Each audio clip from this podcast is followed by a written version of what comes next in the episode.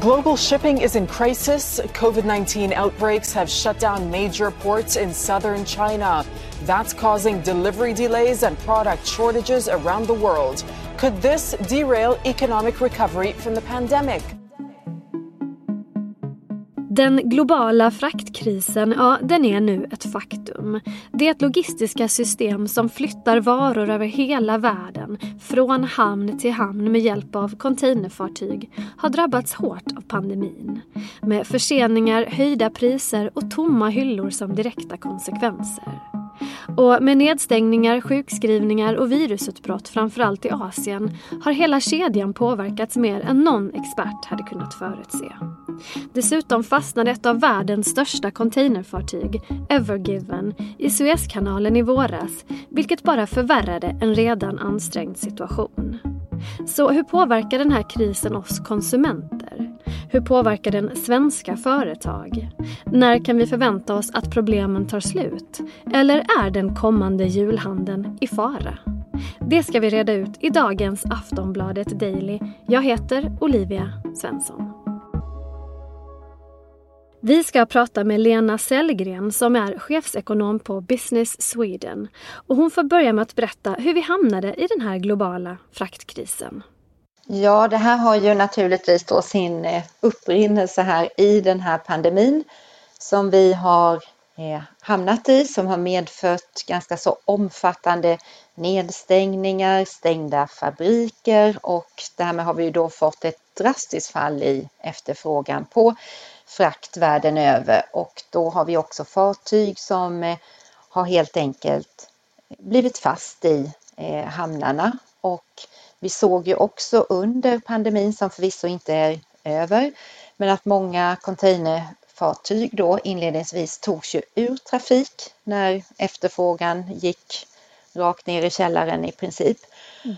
Och sen är det ju så att Kina står för hela 90 procent av tillverkningen av containrar och när det inte blev någon beställning av nya containrar, det pågår ju hela tiden, Eh, man la det på is såklart att det är problem sen när man plötsligt ser att ekonomierna börjar kunna återhämta sig i aktiviteten, man kan släppa på restriktioner. Eh, och då, klart att då ser vi ju att då har man inte tillräckligt med containrar. Man har containrar som står på fel ställen i världen och vad händer då? Ja, då leder ju det här såklart till att vi får en kraftig uppgång i fraktpriserna. De skjuter i höjden leveranser blir också försenade så det är väl två viktiga effekter som man får av detta. Så egentligen utbud och efterfrågan, när det inte riktigt hänger ihop, då får man de här som vi brukar prata om obalanser som mm. då eh, ställer till det eh, ganska så mycket. Du var inne på det, men vad får krisen för konsekvenser för oss konsumenter som vi märker på ett, liksom, ett, ett, ett, ett uppenbart sätt? Jag skulle nog säga att för konsumenterna är det väl framför allt att vi drabbas av förseningar när varor eh, inte kommer fram. Så förseningar är väl det eh, största problemet här. Sen klart att när kostnader ökar, om vi pratar om frakten här, så är den kanske ganska förhållande, även när den har tagit fart, stuckit i höjden här mångfaldigas, så är det en liten andel av företagens totala kostnader.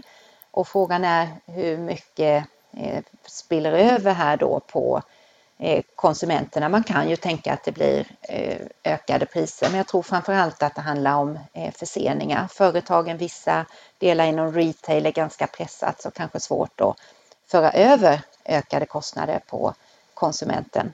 Jag läste någon artikel... Så förseningar skulle ja, jag säga. Mm. Jag läste någon artikel där de pratade om julhandeln att ja, nu får vi vara försiktiga här för vi kanske måste börja beställa flera månader i förväg om vi ska få eh, våra paket till jul. Eh, kan det bli så? Ja, det kan ju naturligtvis bli så och det kanske är lite utmaningar eh, redan nu på vissa håll och jag skulle säga att det här är ju väldigt osäkert läge vi befinner oss i för att vi vet inte riktigt hur det här viruset kommer utvecklas. Deltavarianten som vi har nu som är eh, i vissa delar, inte minst Asien, kraftig, Sydostasien, Kina, eh, men en kraftig eh, spridning som innebär att man då kan tvingas till ganska så omfattande nedstängningar, restriktioner eh, och det vet man inte när kommer detta och var i världen och hur ser vaccinationsgraden ut? Eh, de delar av världen där man har kommit längre i sin, eh, sina vaccinationsprogram och har en ganska så stor andel vaccinerade så är väl risken mindre. Men sen är man ju å andra sidan har vi ju en global marknad så att det är ju insatsvaror för produktion som går runt i världen i så kallade globala värdekedjor så allting hänger ju ihop. Så visst kan det komma att bli problem. Sen vet jag inte hur mycket vi ska eh, tro att de kommer att finnas kvar här framöver. Branschen ser väl själva att detta är ett övergående problem med containerbristen men det är ju ingen riktigt som, som vet. Om vi då ska tänka på Sverige, eh, vad har man någon uppfattning om hur det här påverkar svenska företag, den här liksom fraktkrisen? Ja, jag skulle säga att fraktkrisen och de problemen man har och brist insatsvaror och det här, det är ju något som påverkar alla företag, inte enbart eh, svenska företag. Men tittar vi på Sverige som är en liten öppen ekonomi, vi har ett stort utlandsberoende, vi har en stor export. Den motsvarar ju hälften av eh, BNP i Sverige så att vi är ju väldigt beroende av omvärlden så att det är klart att det blir problem i produktion och inte minst industriproduktion om man inte får sina insatsvaror det flaggas ju upp eh, lite då och då. Nu senast här nyligen i, i veckan till och med så fick ju Volvo Cars i Skövde eh, stänga ner i produktion för att man inte har insatsvaror. Det är bara ett exempel. Eh, så att på det sättet så påverkas man. Det gör ju alla som sagt men vi har också ganska stor del fordonsindustrin är lite extra har drabbats extra hårt under Eh, pandemin och då inte haft tillgång fullt ut på insatsvaror och här kommer det här med halvledare in också. Så de störningarna i leverantörskedjorna eh, med brist på insatsvaror gör ju att det blir svårigheter för företagen att planera i sin produktion och det skulle jag säga är ett betydligt större problem för företagen än ökade fraktkostnader i sig. För det har vi ju sett att fraktkostnaderna har ju skjutit i höjden men Viktigt att komma ihåg att de är ändå, eller utgör en förhållandevis liten andel av företagens totala kostnader. Så störningarna att inte kunna eh, då planera framåt, det, det är bekymmersamt. När man nu ser hur fragilt ändå det här systemet kan bli och kan vara, kommer det tror du att innebära att man, att man går tillbaka till lite mer inhemsk produktion? Alltså det är ju en debatt som ändå har förts. Mm, Kommer vi mm. att i framtiden att kunna vara lika beroende av Eh, eh, att, att, att, vi ska få in eh, varor eller eh, material eller vad det nu kan vara? Det är ju något som har pågått under en ganska lång tid att man ser från globaliseringen till mer av regionalisering och där har vi ju sett våra multinationella stora svenska företag, de har ju idag en närvaro i våra tre stora produktionsregioner Nordamerika, Europa och Asien. Sen kan man finnas i andra regioner också men den stora eh, produktionsvolymerna finns ju i, i regionerna vilket innebär att man har kunnat eh, hantera krisen på ett lite bättre sätt för att man har då kanske kunnat ha öppet och sourca från olika delar i världen. Det är ju inte samma sak om man är ett mindre företag såklart som är kanske mer beroende av eh, eh, exporten.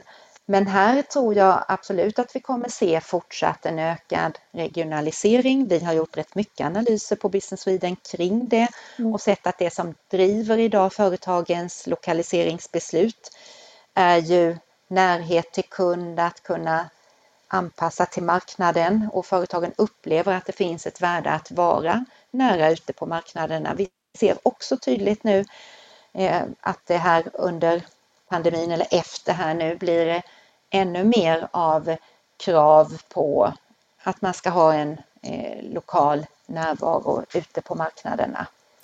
Och utifrån din eh, position och din roll och ditt yrke, vad har man för förväntningar på eh, framöver nu? Hur, hur ska det här lösas? Ser man någon slags eh, tidsplan framför sig?